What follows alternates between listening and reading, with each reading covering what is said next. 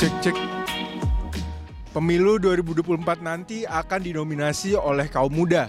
Dalam daftar pemilih tetap yang dikeluarkan oleh KPU, lebih dari 56% di antaranya terdiri dari pemilih muda yang terdiri dari generasi milenial dan juga Gen Z.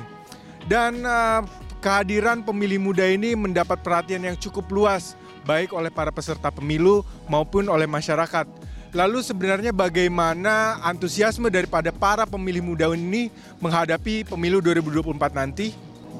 Sejumlah pemilih muda yang masuk kategori milenial dan Gen Z mengaku antusias menyambut pemilu 2024. Meski sebagian lain ada yang tidak terlalu mengikuti perkembangan politik.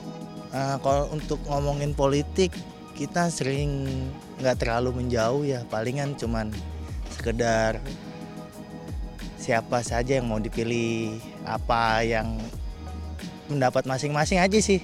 Cuma nggak terlalu mendalam atau sampai bermusuhan enggak ya cukup antusias sih untuk di lingkungan rumah karena adanya kesukaan dan ketidakkesukaan capres dan cawapres. Antusias mereka tuh sangat tinggi.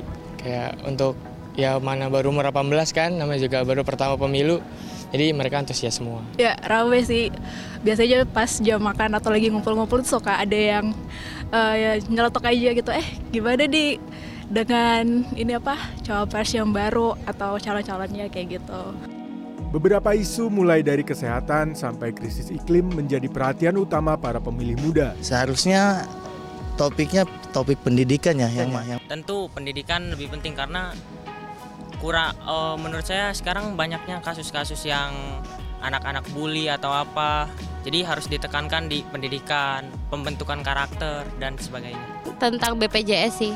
BPJS kan masih kurang diperlihatkan kurang di diangkat lah isunya sama capres sama cawapres yang sebelumnya. Jadi mungkin harapan aku sekarang lebih dilihat sih isunya tentang BPJS ini sendiri. Isu yang paling penting tuh kayak sekarang pasti kayak polusi ya, polusi terus sama korupsi. Kalau misalkan yang harus diangkat ya sebenarnya kalau sekarang sih isu yang lagi kelihatan banget untuk cuaca, iklim dan uh, polusi ya sebenarnya itu yang harus dikedepankan dulu untuk saat ini. Meskipun nantinya memiliki pilihan yang berbeda-beda, mereka semua berharap masyarakat tetap bersatu dalam perbedaan. Tim Liputan CNN Indonesia.